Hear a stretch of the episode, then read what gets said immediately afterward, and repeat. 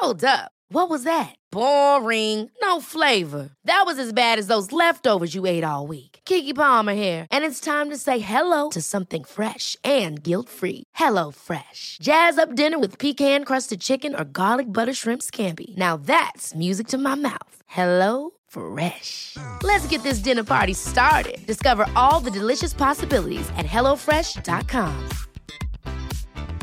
Quality sleep is essential. That's why the Sleep Number Smart Bed is designed for your ever evolving sleep needs. Need a bed that's firmer or softer on either side? Helps you sleep at a comfortable temperature? Sleep Number Smart Beds let you individualize your comfort so you sleep better together. JD Power ranks Sleep Number number 1 in customer satisfaction with mattresses purchased in-store. And now, save 50% on the Sleep Number limited edition Smart Bed for a limited time. For JD Power 2023 award information, visit jdpower.com/awards. Only at a Sleep Number store or sleepnumber.com. Planning for your next trip?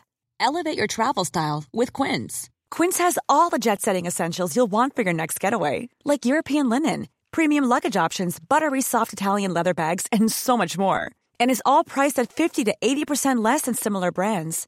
Plus, Quince only works with factories that use safe and ethical manufacturing practices. Pack your bags with high-quality essentials you'll be wearing for vacations to come with Quince. Go to quince.com slash pack for free shipping and 365-day returns.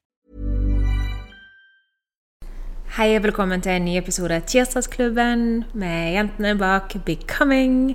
Og for du som lurer, så er jo hele denne maskineriet til Becoming det er egentlig basert på um, det, er meg og Isabel som lurer på hvordan andre mennesker får til ting i livet. Og én ting vi ser i vår store søk, når vi da leser bøker til guruer og hører på podkaster og tar online kurs og virkelig fordyper oss i da masse sånne high achievers verden over, så er det jo det at veldig mange har mye disiplin. Disiplin har vært mitt svake punkt i livet i mange områder, og ikke noe jeg har klart å angripe før i voksen alder, og jeg har heller ikke forstått hvor viktig det er. Så i denne episoden så skal Isabel ta oss med inn i dette deilige riket av disiplin, og kanskje vi lærer en ting eller to. Så velkommen til dagens episode av Tirsdagsklubbing Klubbing? Tirsdagsklubben med Becoming. Disiplin er faktisk noe flere av lytterne våre har stilt oss spørsmål om. For de er sånn Det høres fantastisk ut når dere snakker om det, men hvordan i alle dager setter du i gang? Og når du har satt i gang, hvordan vedlikeholder du? Disiplin er et område som har fascinert meg veldig. Fordi noen mennesker snakker om viljestyrke og disiplin som om det er det letteste i verden å implementere. Mens andre syns det er så sinnssykt vanskelig og skjønner ikke helt hvordan andre mennesker får det til.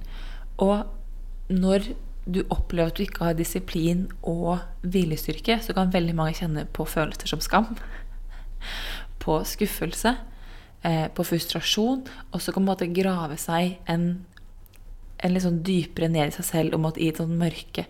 Så hvordan skal du gå frem med disiplin, og er disiplin likt for alle? Og jeg har lest flere bøker, men den siste boken jeg holder på å lese nå, som heter 'Spis deg fri' med Irina Li, så snakker hun om viljestyrke, og hvordan det ikke nødvendigvis er noe som handler om at viljen vinner og viljen feller, men at det faktisk er andre ting bak som styrer deg. Og det fikk meg til å ha en så sinnssykt aha-opplevelse, hvor jeg skjønte at noen har faktisk lett lettere for å gjennomføre ting enn andre mennesker har det. Og de snakket om den, det faktumet, eller Irina skriver det faktumet at eh, veldig mange kjenner på skam når de ikke klarer å gjennomføre, fordi du må bare ville nok. Men hva gjør du når du ikke får det til, til tross for at du vil. Mm, jeg husker Da jeg leste den boka, så var da um, Irina, Irina, Irina Lee sin norske versjon 'Spis deg fri'. Det er jo en oversettelse av den amerikanske boken 'Bright Line Eating' av Susan Pierce Thompson. Og Hun er jo professor og uh, hjerneforsker, og har jo da studert på akkurat det som du sier, hvorfor er det noen folk som får det til, mens andre ikke? Og sjøl så har jo jeg alltid vært en person som ikke har fått det til. Og etter å ha lest den boka, så lærte jeg òg da at um, Litt sånn offermentalitet, men det er faktisk ikke min feil. Det er automatiske ting som skjer i hjernebarken på min hjerne fordi jeg er et menneske som veldig lett blir avhengig av veldig mye forskjellig, egentlig. Jeg, jeg, kan bli avhengig av hva som helst. Og dermed er det mange ting i meg som styres automatisk. Så da må man ta liksom noen vanvittige forhåndsregler for å unngå å havne i de fallgropene til avhengigheter. Og så, jeg, jeg, er så veldig enig med deg. om at fra det konseptet der, om at ok, men hva om, det ikke, om det ikke er likt for alle sammen? Hva om ikke alle sammen starter på samme sted, som vi har snakket om hele veien. Mm. Vi sier jo at ikke sammenligne deg selv på, hvor, på, din dag én med alle andre dager 5000. Mm. Så begynte jeg å gå tilbake til sånn som Robin Sharma, som skriver mye om viljestyrke og disiplin. Og begynte å se, se det i et annet perspektiv enn det jeg har lest om tidligere. For jeg er et menneske som trives med disiplin. Mm. Eh, jeg er en person som trives veldig i rutiner og rammer. Hvis jeg, så lenge jeg har en rutine, så fungerer det veldig fint. Når jeg slipper rutinen min, da sliter jeg med å skulle gjennomføre ting. Eh, fordi at jeg har den greia med at så lenge det, måtte jeg har lært meg at det går på automatikk, da, ikke sant? Mm. så har jeg mer frihet innenfor disse rammene som disiplinen min trenger. Og det høres så rart ut, sånn frihet innenfor rammer, men for meg er det det jeg trenger. Husker du jeg sendte deg den storyen på Instagram om hun som hadde sagt opp jobben sin for å leve fritt? Hun ville ikke være en slave til klokka, ville ikke være en slave til samfunnet, ville ikke være en ansatt, hun ville være 100% fri. Og dermed så ville hun ikke ha grense, rutine, vane. Hun ville våkne og være fri til å kunne leve livet sitt sånn som hun ønska å leve det. Og Den storyen var så interessant, for hun sa det at nylig så hadde hun testa hvordan det føltes for henne å ha strenge daglige rutiner. Og hun sa at hun har aldri følt seg så fri som etter hun begynte å sette strenge grenser for seg sjøl. Og at det var der friheten hos henne faktisk ble utvikla. Og det er det som er så sinnssykt fascinerende, fordi som du sa tidligere, at her og nå så er jakten vår på nytelse. Mm. Jakten på den derre hele tiden tilfredsstillelsen, om det enten er mat, om det er sosialt, med sosiale medier, med TV. Det har ikke så mye å si, men vi søker hele, etter, hele tiden etter noe som måtte kan drive en sult vi har inni oss. Mm. Eh, men når du får faste rammer rundt deg, så blir den, den kampen i øyeblikket den blir ikke så, så tung, da. Men, og dette er veldig viktig men, kampen for å komme dit, den kan være tung. Det å gå fra å ikke ha rutiner til å lære seg selv opp til å ha rutiner, det er vel kanskje noe av det som folk sliter med. Fordi her ligger det en illusjon.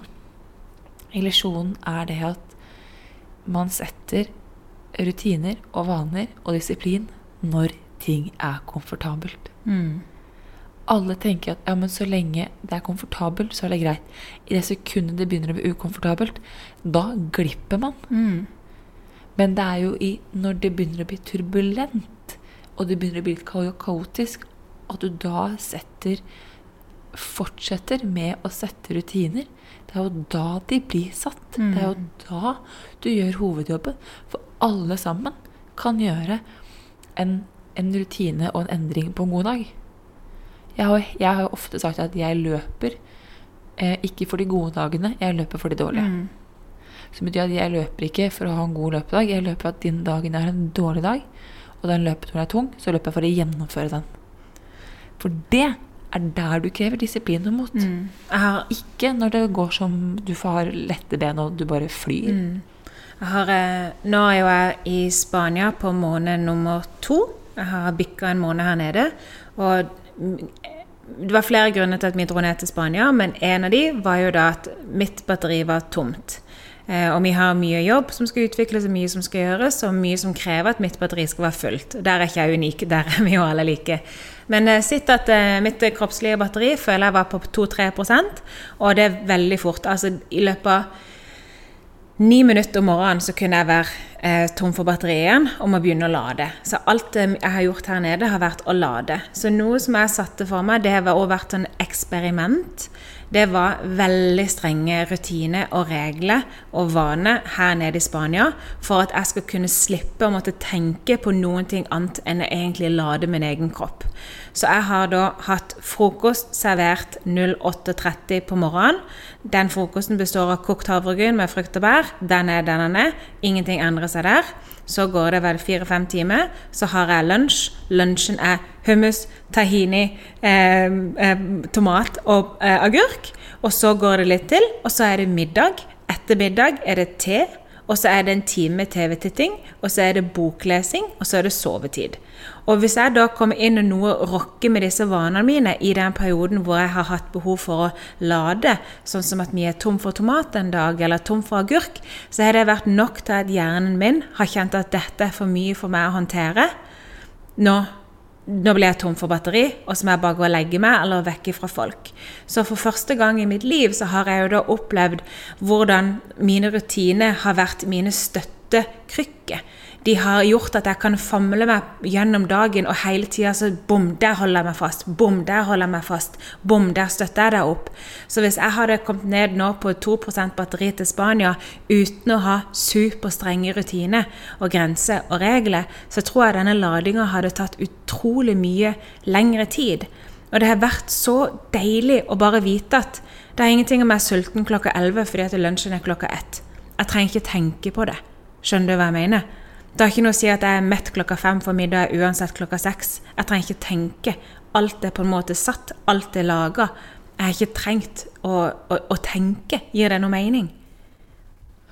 Du, Det gir veldig mening, for det er det som er så interessant. er at Man tenker at viljestyrke og disiplin er noe sånn veldig konkret noe. Men det lever jo, ikke sant? Mm. Det er jo en sånn type levende organisme inni deg. Så viljestyrken og disiplinen svekkes jo når du er trøtt. Mm. Så hvis du har hvis du er nede på batteriprosent på 2-3, som er egentlig en fantastisk måte å forklare det å være veldig sliten på Når du er så langt nede, og du skal begynne plutselig å forholde deg til veldig mange valg, så blir følelsen av det å være overveldet mm. det, blir, det, blir, det, blir, så stor da, at det er vanskelig å ta et valg, ikke sant? Mm. Og da blir jo Bruker du alle dine gode valg, som Jean Quick har lært oss, beslutningsretthet, ikke sant? Du bruker opp de gode valgene helt til starten av dagen, mm. og så har du ikke noe igjen til resten. Men hvis det settes rutiner, når du setter noe at 'dette er måtte min timeplan', det er sånn den ser ut, 'dette er det jeg skal gjøre', så er valget allerede tatt. Du trenger ikke å tenke på, som du sier, 'når skal jeg lage middag'? Det valget er tatt. Mm. Hva skal det være til middag? Det valget er også allerede tatt. Så jeg trenger ikke å tenke.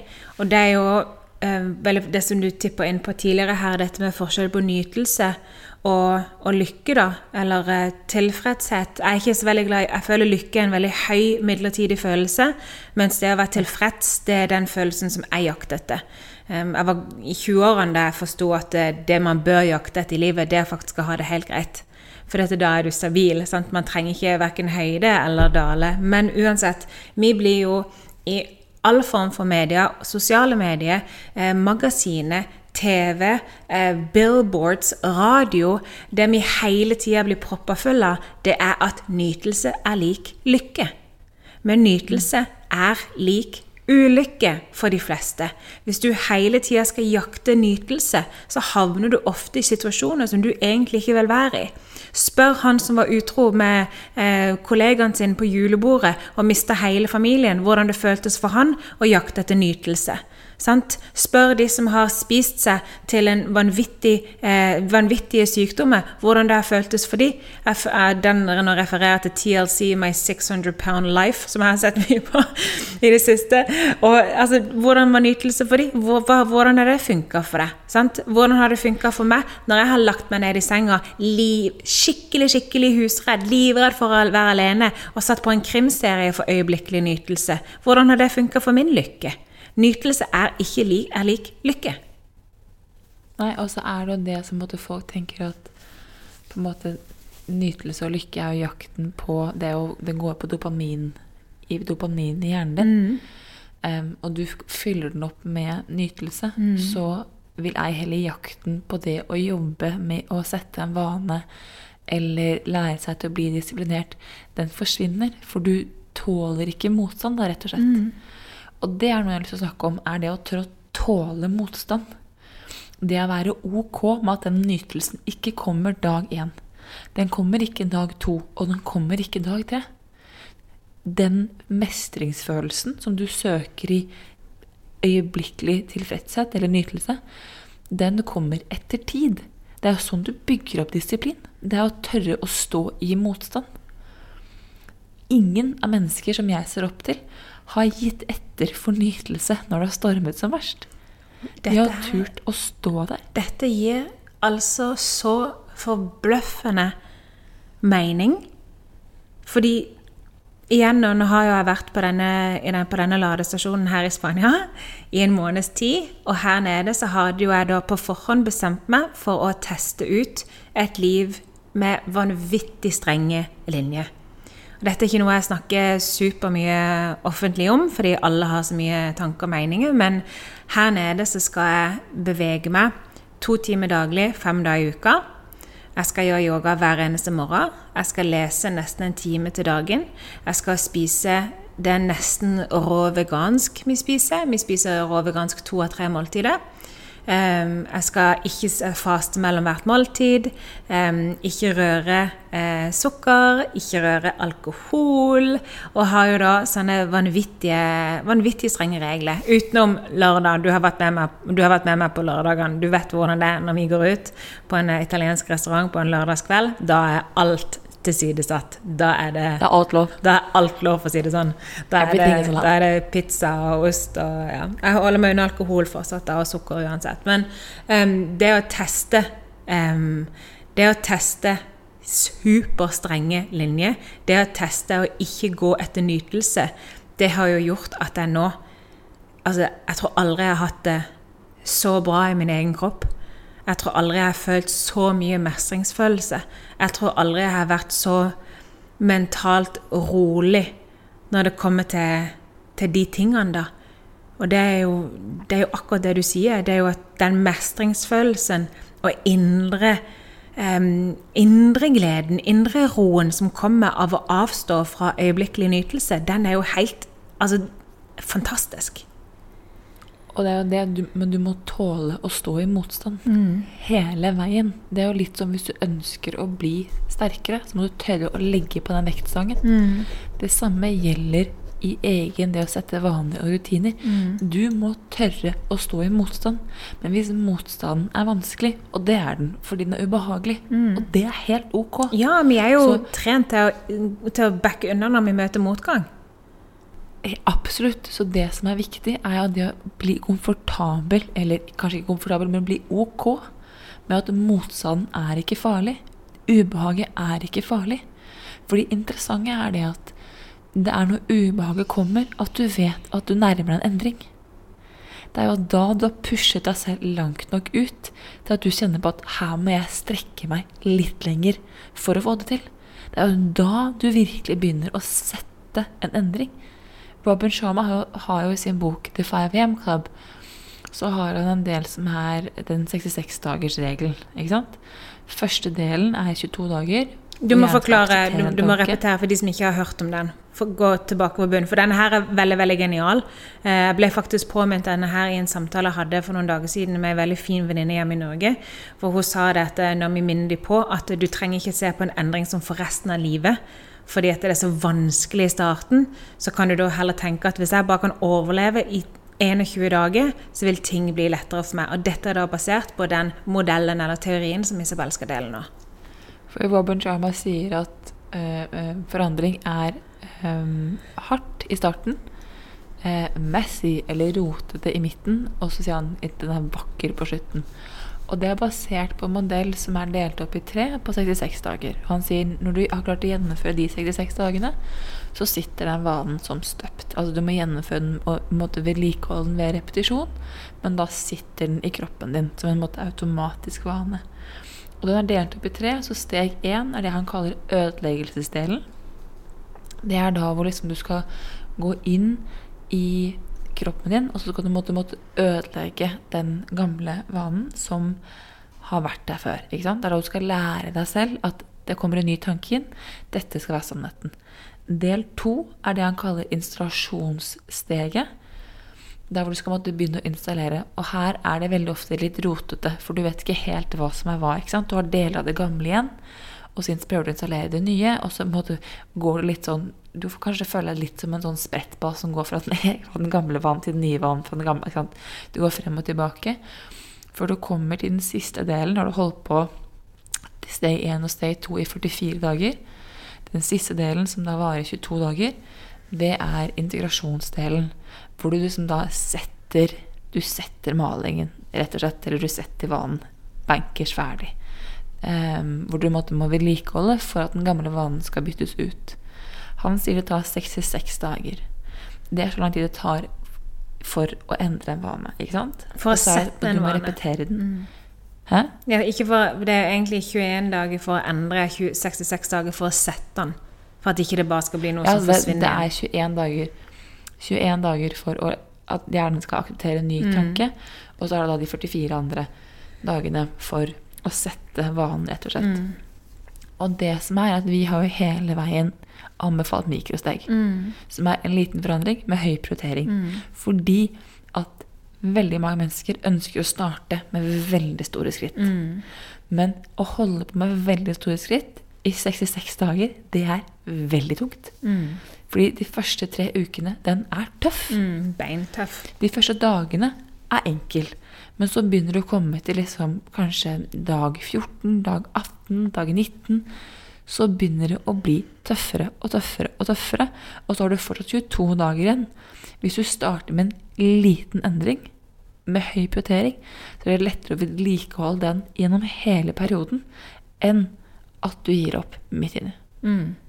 Det er veldig fascinerende for den modellen der med at en endring er um, hard i starten, uh, rotete i midten og fantastisk på slutten. Den passer inn i så veldig mange ting. Og her setter han veldig tydelig i en veldig komprimert tid eh, her nede i Spania. For, eh, og dette er heller ikke noe jeg har gått veldig mye ut med, men da du var her nede i Spania med oss, du var jo her hos oss i to uker, så tok jo meg og min mann avgjørelsen om at vi rett og slett ikke drar tilbake igjen til Norge. Og da min mann spurte meg dag ut og dag inn, for dette har vært vår drøm alltid. Det var bare drøm, det var fem år frem i tid. Eh, og vi har snakka om dette siden dag én. Dette var alltid målet. Vi skulle bo i Spania. Vi skulle ha hus i Spania. Det var, det var selvfølgelig det, det, er det vi har jobba mot hele tida. Alt det vi har gjort, alle bedriftene vi har starta, alt vi har lagt inn, det har vært med dette som mål. Å leve et rolig, avslappa, tilbaketrukken liv i Spania. Så da han begynte å stille meg spørsmål inn og ut og bare Belinda, liksom, Vi må bestemme oss nå, vi må snakke med folk, det er veldig mye som skal skje. Eh, skal vi gjøre den endringa, eller skal vi ikke gjøre den endringa? Så sa jeg jo etter han til slutt at vet du hva, du kjenner meg bedre enn jeg kjenner meg sjøl. Du vet mine frykter. Du må bare ta en avgjørelse, for dette får ikke jeg til.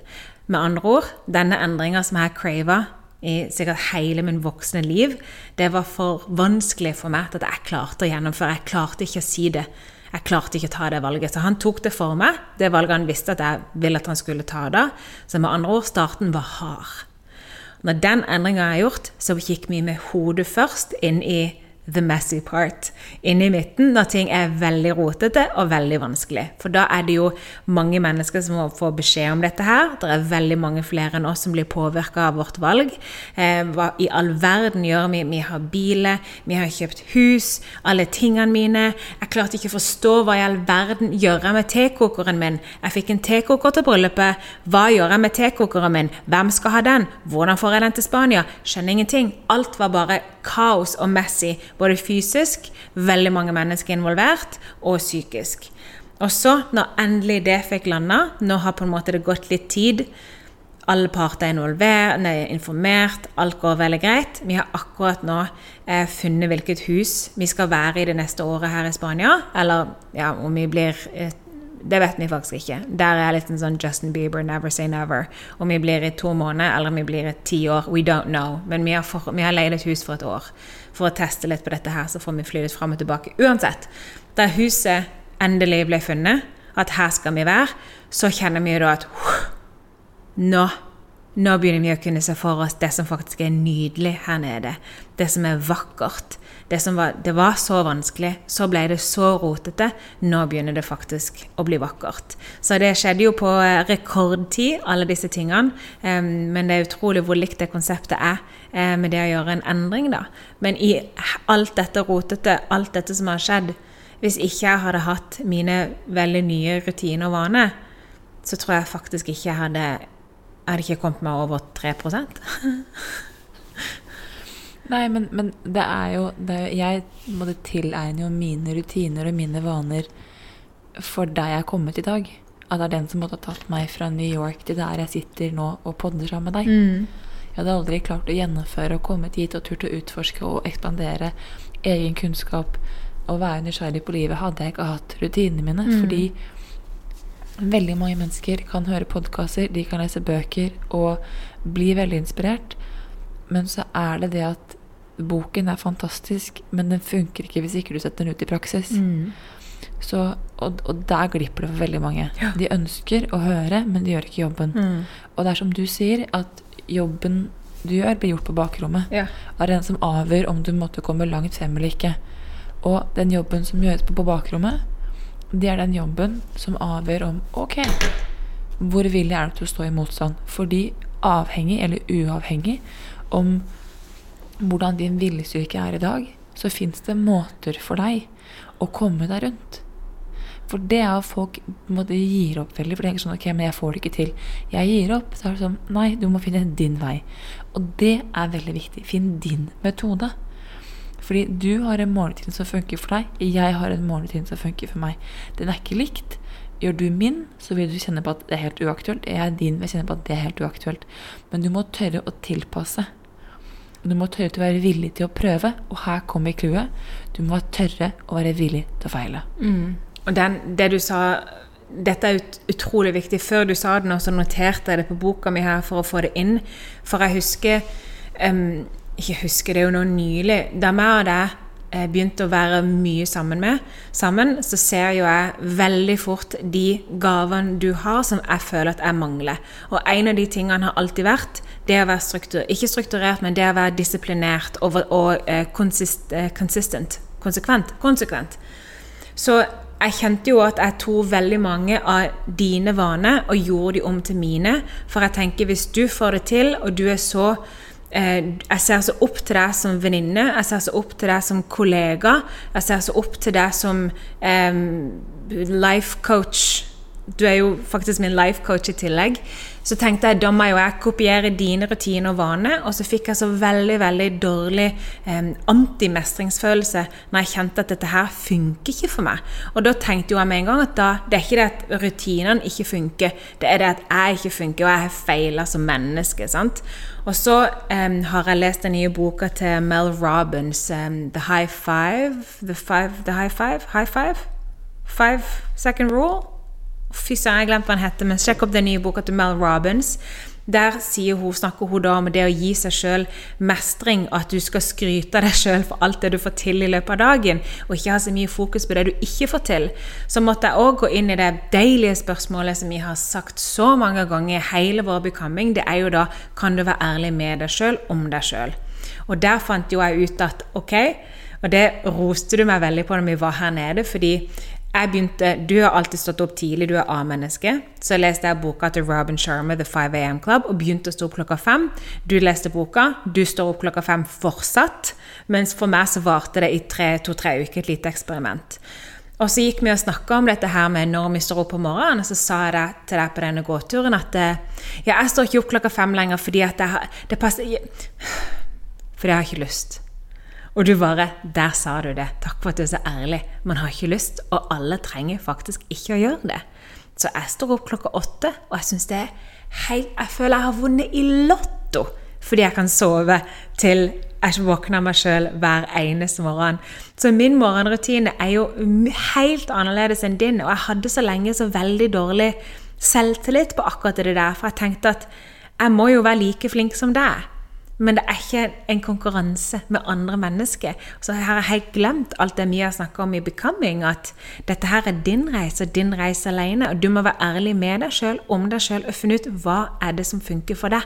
For noen så er en morgenrutine det er faktisk bare å vaske ansiktet. For andre så er det en fire timers joggetur etterfulgt av tre timer meditasjon. Og det er helt greit det, alle disse tingene som vi deler i denne podkasten, og som vi leser i våre bøker, det er jo verktøy. Så vi, her står det en kjempestor verktøykasse, og noen trenger mye verktøy, noen trenger mindre. Og det, Man skal ikke ha dårlig samvittighet hvis jeg går og tar en hammer og en kniv, mens du tar en sag og en vaier. Vi trenger ikke å ha liksom, jeg, Der er jeg veldig dårlig på det. for jeg jeg er veldig flink på å sammenligne meg med andre for å lete etter feil i meg sjøl. Altså kritisk mot meg sjøl. Så um, det er så viktig at når du som lytter nå, du tenker ja, men faen, jeg kommer aldri til å bli like god som Belinda eller Isabel, for jeg har ikke så mye morgenrutine. Nei, men så bra. Det er ikke en konkurranse. Det er ingen vinnere her, utenom deg sjøl. Det er faktisk veldig gøy, for jeg har faktisk snakket om det både på Instagram min og med klienter denne uken her, om det morgenrutinstyret. For det snakkes så mye om morgenrutiner, og så lærte jo Jay Sherry meg at morgenrutinen starter kvelden før. Mm. Så det du gjør kvelden for, påvirker morgenen. Så jeg pleier alltid å si til de jeg jobber med, at er du A-menneske eller B-menneske? Hvis du er A-menneske, skap en morgenrutine. Hvis du er B-menneske, skap en kveldsrutine. Da er det en måte to ulike, og er det noe midt imellom, så finn noe midt imellom. Men ikke prøv på død og liv å skape en morgenrutine hvis du sliter med å stå opp. Mm. Da er den kampen den blir så sinnssykt stor. Så det er noe med å sette vanlige rutiner som gjør at det er mulig å mestre. For vi setter så sinnssykt urealistiske mål. Helt utrolig. Hvis vi, og, det, og, dette er, liksom, det er noe med målsettingen Hvis du ønsker å bli Du ønsker å løpe et maraton, så kan du ikke stå, starte med en alderløp før. Så kan du ikke starte med, med milen. Du må starte med én kilometer. Og så må du gjemme det oppover. ikke sant? Jeg synes En kilometer tenker, oppriktig talt var ganske mye å starte med, kjenner jeg. Da jeg starta joggen jogge nå 1.1., så klarte ikke jeg å jogge en kilometer, Isabel. Nei, men, men, men, du må starte med en mål som heter å få til å løpe én kilometer. Ja. Fordi at hvis du ender opp med at vi setter så urealistiske mål, så tenker vi at ja, men det målet om én kilometer, det er ikke bra nok. Mm. Men det å, hvis du setter deg målet på ti, så kommer du an til å klare å gjennomføre.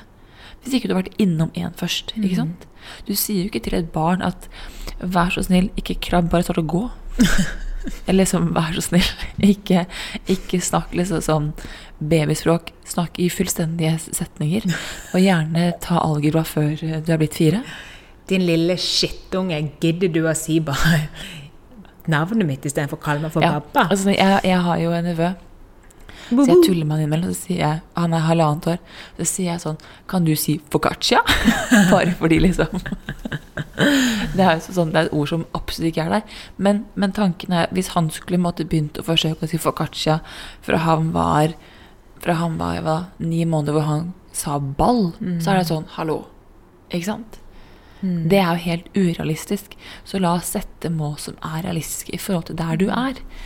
Men igjen, her kommer enda et sånt veldig illusjon. At vi ønsker ikke å sette mål fra der vi er her og nå. Vi ønsker å sette mål for der vi skal komme. Mm. Du, vi ønsker, dette er illusjonen, vi ønsker å sette mål som heter at ok, jeg vil bli en maratonløper. Da må jeg sette mål som en maratonløper. Helt enig. Men du er ikke en maratonløper ennå. Du er på vei til å bli en maratonløper. Men aksepter hvor du er her og nå. Du er en maratonløper som skal løpe én kilometer. Wow, Isabel. Dette er veldig, veldig fint. Dette er kjempefint.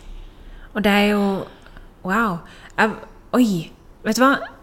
Nå skal jeg rose meg sjøl litt. litt, litt runke på det her. fordi at det, eh, det er jo egentlig det jeg har gjort her nede i Spania òg. Spesielt dette med at mitt en ting som jeg trives med, det er å kunne jogge, fordi at da soner jeg ut. Det, det, føles som en sånn Vi har snakket om det tidligere, om det er runners high eller hva det er for noe, men det er noe som skjer i hjernen min. Men så har jeg jo i de største delene i livet mitt vært for ute av form til faktisk kunne jogge. Så da vi kom ned her i Spania og skulle eksperimentere på dette med mental og fysisk helse og det å være litt strict, det å være litt ekstrem, som by the way viser seg ikke være ekstremt i det hele tatt. Det jeg holdt på med hjemme i Norge, det var ekstremt. Å spise ting som gjorde meg syk, og drikke alkohol som gjorde meg dårlig, og alt dette her, og se på ting som gjorde meg redd, det var ekstremt. Det jeg holder på med her nå, det er ikke ekstremt. Uansett. Da jeg begynte å, å jogge meg opp, så tenkte jeg hele tida hvordan vil jeg føle meg når jeg kan faktisk gå ut der og jogge en halvtime, en time uten å kjenne noe på noen ting annet enn den runners high-en? Og det jeg begynte med da, det var jo OK, her er jeg nå. Jeg kan søren nesten ikke gå opp min egen trapp uten å være andpusten. Jeg må begynne her, så skal jeg ende en dag der. Og da begynte jeg jo å følge en app som heter Couch to 5K. Eh, og der tar han meg gjennom ni uker med veldig små mikrosteg. Og den første dagen du skal løpe, da, så skal du løpe i ett minutt. Og så skal du gå i 20. Så det er jo vel, når du løper den første minuttet, så tenker du jo at wow Det er langt igjen å gå. Men der igjen så jobber du med det du er her og nå. Du velger å ta et mikrosteg. Og som du sier, mikrosteg, en liten endring med stor påvirkning. sant? Og det er jo hadde ikke jeg gjort det det 1. januar, hadde ikke jeg starta appen 1. januar, så hadde ikke jeg kunnet være ute og løpe 5K nå. Men jeg kan det nå, fordi at jeg tok den avgjørelsen 1. januar. Og at jeg har vært disiplinert, da. Og det er litt det samme som du kan ta det med yoga, du kan ta med det faktum at måte, når du står på morgenen kan, altså, dette, Det konseptet der funker på absolutt alle rutiner og vaner du setter. Så det er å kunne akseptere at det er et ubehag du må gjennom. ikke sant? Mm. Og det at vi ønsker å komme så Utålmodigheten. Det er jo det Tålmodighet er nøkkel her. Mm. Det å tørre å være tålmodig nok til at resultatet mm. kommer. Fordi spørsmålet er ikke om resultatet kommer, det er når resultatet kommer. Mm. Så lenge du gjør jobben, og er ærlig med deg selv om deg selv om at du faktisk gjør jobben, og du repeterer og er konsekvent med repetisjonen. Altså Du kan ikke repetere én gang i dag og så vente i fire måneder og så repetere en gang til. Men du må repetere konsekvent. Så vil du få resultater. Er, sånn er det bare. Ja, og, ikke sant? Og så er For å kunne vedlikeholde dette, her, så er det jo det som vi har snakka om tidligere, at du må ha en veldig klar grunn, the why, til hvorfor i verden vil du gjøre dette her. Du må ha en klar grunn. Du må ha en klar the why. Min grunn til at jeg hadde lyst til å være et menneske som kunne jogge fem kilometer, det var fordi at jeg visste at jeg får gode mentale helsefordeler av å hive meg ut på en sånn. Jeg er et menneske som er heldig nok til å være full i angst, og full i tankekjør, og full i det ene og full i det andre. For meg å kunne hive meg ut på en sånn en tur, det gjør veldig mye mentalt. Men sett at jeg har blitt det mennesket, da. For at jeg skal kunne være det mennesket, så må jo jeg, akkurat sånn som du, du løper miler flere ganger i uka. Du løper ikke for de gode dagene, du løper for de dårlige dagene kan, men du må jo fortsatt gjøre jobben. Så hvis jeg skal være et menneske som kan løpe fem kilometer, så må jeg gjøre dette her flere ganger i uka. Jeg må ha en type kosthold som gjør at jeg kan løpe av gårde. Jeg må ha tida til å kunne løpe av gårde. Jeg må sette pris på kanskje naturen for å løpe av gårde. Jeg må gjøre så mange ting da for å kunne holde dette ved like. Og veldig mange er ikke villig til å legge inn jobben, og de vet ikke engang om de har lyst til å være det mennesket. Jeg kunne ikke vedlikeholde min 5 AM morgenrutine, fordi at min grunn til at jeg skulle gjøre det, det var at det funker så bra for Isabel. Sant? Og det er ikke grunn sterk nok. Man må finne ting som er viktig nok. Og jeg hadde igjen en samtale med en veldig fin venninne hjemme angående eh, jeg tror det var mat eller kosthold. eller Så sa hun dette. ja, men det virker så vanskelig når du eh, kan i den situasjonen og den situasjonen og den situasjonen. Det er så mye som kan frarøve deg. Så hvordan holde seg disiplinert i perioder hvor du egentlig blir frarøven um, lettheten rundt det, da. sant? Så sier jeg men det er jo bare fordi grunnen din ikke er god nok. For hvis grunnen din er stor nok, så er det ingen situasjoner som vil frarøve deg fra dine rutiner og dine vaner. Da leter du etter muligheter, ikke etter eh, problemet. Du ser ikke hindrene, du ser bare mulighetene. sant? Så f.eks. hvis du skal ut og reise, så står jo du bare opp enda tidligere for å kunne gjennomføre din morgenrutine. Du bare ser på det veldig enkelt som at ok, da går jeg et par timer søvn i manko, men jeg får det som er viktig for meg. Og der er det jo mm. at eh, folk er så, man alt, faller alltid tilbake igjen på nytelse. Og det er liksom det man har som regel til felles med alle. Hvor lett er det ikke å si til folk at ja, ja, ja jo, jo, jeg røyk på en smell i helga, og liksom, og så bonder man gjennom det. Men når man er ærlig med seg sjøl om seg sjøl, så har man egentlig ikke lyst til å ryke på smell etter smell etter smell. Jeg tror at vi som mennesker har lyst til å være disiplinerte. Vi har lyst til å faktisk kunne holde på noe. Vi har lyst til å få ting til. Og jeg tror det er derfor vi ser så negativt gjerne på de som faktisk får det til, og syns at de er så ekstreme. Ja, for de minner oss på at det er mulig. Mm. Og det er ingenting som er verre å bli minnet på at det faktisk er mulig, men du gidder ikke gjøre det selv. Mm. Og så vil jeg også bare si én ting, og det er at vær taktisk smart. Mm. Altså ikke gå ut i feller hvor du vet at her tryner jeg, liksom. Ikke sant? Hvis, hvis clouet ditt er og hvis du ønsker å stå opp tidligere, ikke være ute og feste klokken fire hvis du skal prøve å stå opp klokken fem. Altså sånn, vær tak ja, men det, det, mener jeg liksom. Vær taktisk smart. Skal du stå opp tidligere, så trenger du søvn. Gå og legg deg før.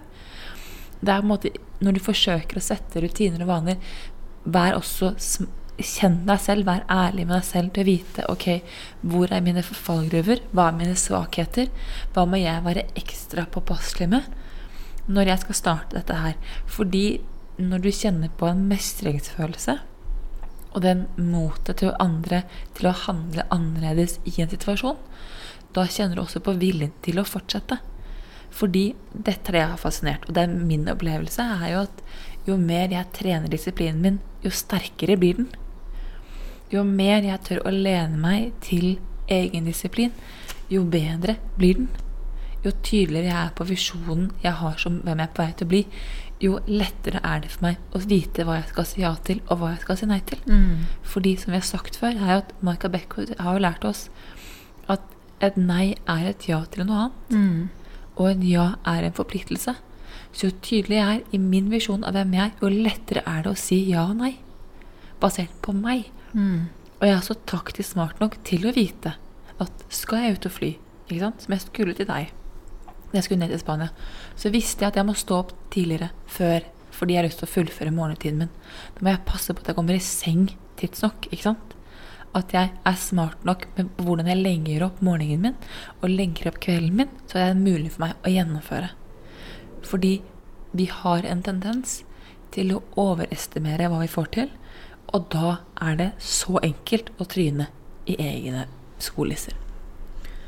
Med det sagt så anbefaler vi du som lytter, hvis du har rutine og vane, så anbefaler vi da igjen det å ta et mikrosteg. Sett deg ned med din favoritt, penn og papir, og bare begynne å skrible ned hva er det egentlig du ønsker. Prøv å komme litt i bunnen av hva du vil ha, ikke basert på hva jeg gjør, eller Isabel eller andre du følger med på, men hva kan funke for deg? Hva er din grunn? Hva er dine fallgruver, og hvordan skal du overkomme de situasjonene som du gjerne har lyst til å overkomme? Og så er jeg sikker på at det med åpenhet med de rundt deg Veldig mange syns det er vanskelig når noen endrer seg, for de har behov for at du skal passe inn i deres boks. Og hvis du da plutselig kommer som en runding når du var en firkant dagen før, så kan det bli veldig stressfullt for familie og venner å akseptere. Så når man da kommer til en venn eller familie og plutselig sier nei til noe man før sa ja til, eller ja til noe man før sa nei til, så kan det bli veldig stressfullt. Så hvis du prøver å gå gjennom de fallgruver som kan komme, og gjøre deg sjøl sterk, så jeg er sikker på at dine rutiner og dine vaner òg kan virkelig implementeres for at du skal bli eh, lettere komme nærmere the person you're becoming. Ja, og så har jeg lyst til å si liksom at Robin Sharma sier også at disiplin er mye, mer, er mye sterkere og bærekraftig enn motivasjon. Mm. Så spørsmålet er hvordan kan du trene opp egen disiplin? Ja. Og hvordan kan du ta et mikroskritt i dag som vil gjøre stor forskjell? Ikke i morgen, ikke neste uke, men om 66 dager til. Nettopp. Eller tre år, da, som vi på en måte ja. ofte bruker som vår, vår tidsepoke. Til du som lytter, så setter vi veldig pris på tilbakemelding. Hvis du har lyst til å gi en liten reviews inne i podkast-appen, så er det noe vi setter veldig veldig pris på. Du finner oss også på Instagram på at becomingthepodcast. Du finner Isabelle på Instagram. Hun lager noen fantastiske reels hvor hun snakker om um, temaer som vi snakker om her i podden, og temaer vi enda ikke har toucha inn på her i podden. Du finner henne på at Isabel Engelhardt. Og hvis du har lyst på litt planteinfo, så finner du meg på at Belinda Jacobsen. Tusen takk. Men du har litt sånn livsmestringsinfo, du også. Ja, det begynner å komme seg. Det kommer seg. ja, det begynner, det er ganske god. Ja. Skal du ta den deilige avslutninga? Vær så god. Det skal jeg. Så husk, kjære lytter, at det å sette disiplin, og det å skape disiplin, og det å sette en vane, det tar tid. Vær god med deg selv i prosessen. Ta valg som gjør at du vet at du får det til, og vit at når ubehaget kommer, så er dette et tegn på at du er i riktig retning. Så vær så snill og fortsett å gå. En veldig klok venninne av meg sa at eh, kampen er ikke over til Dovre faller. Hentet fra Per Gynt. Dovre er fjellet. Så disiplinen er ikke over til Dovre faller. Og husk at becoming er din reise, og din reise alene. Oh, alene. Ha det.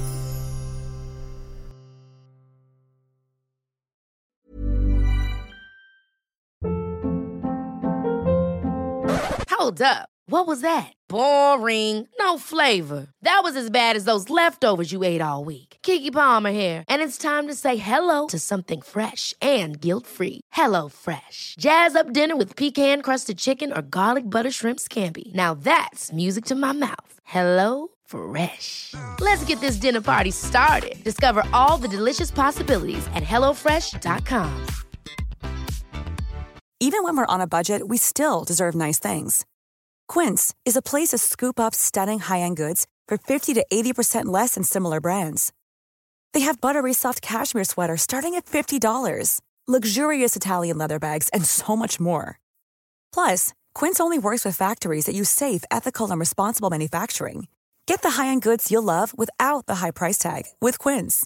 Go to quince.com/style for free shipping and 365-day returns. Mom deserves the best, and there's no better place to shop for Mother's Day than Whole Foods Market. They're your destination for unbeatable savings, from premium gifts to show-stopping flowers and irresistible desserts. Start by saving 33% with Prime on all body care and candles. Then get a 15-stem bunch of tulips for just $9.99 each with Prime. Round out Mom's menu with festive rosé, irresistible berry chantilly cake, and more special treats. Come celebrate Mother's Day at Whole Foods Market. Imagine the softest sheets you've ever felt. Now imagine them getting even softer over time. That's what you'll feel with Bowl and Branch's organic cotton sheets. In a recent customer survey, 96% replied that Bowl and Branch sheets get softer with every wash. Start getting your best night's sleep in these sheets that get softer and softer for years to come. Try their sheets with a 30-night guarantee. Plus, get 15% off your first order at bowlandbranch.com. Code BUTTERY. Exclusions apply. See site for details.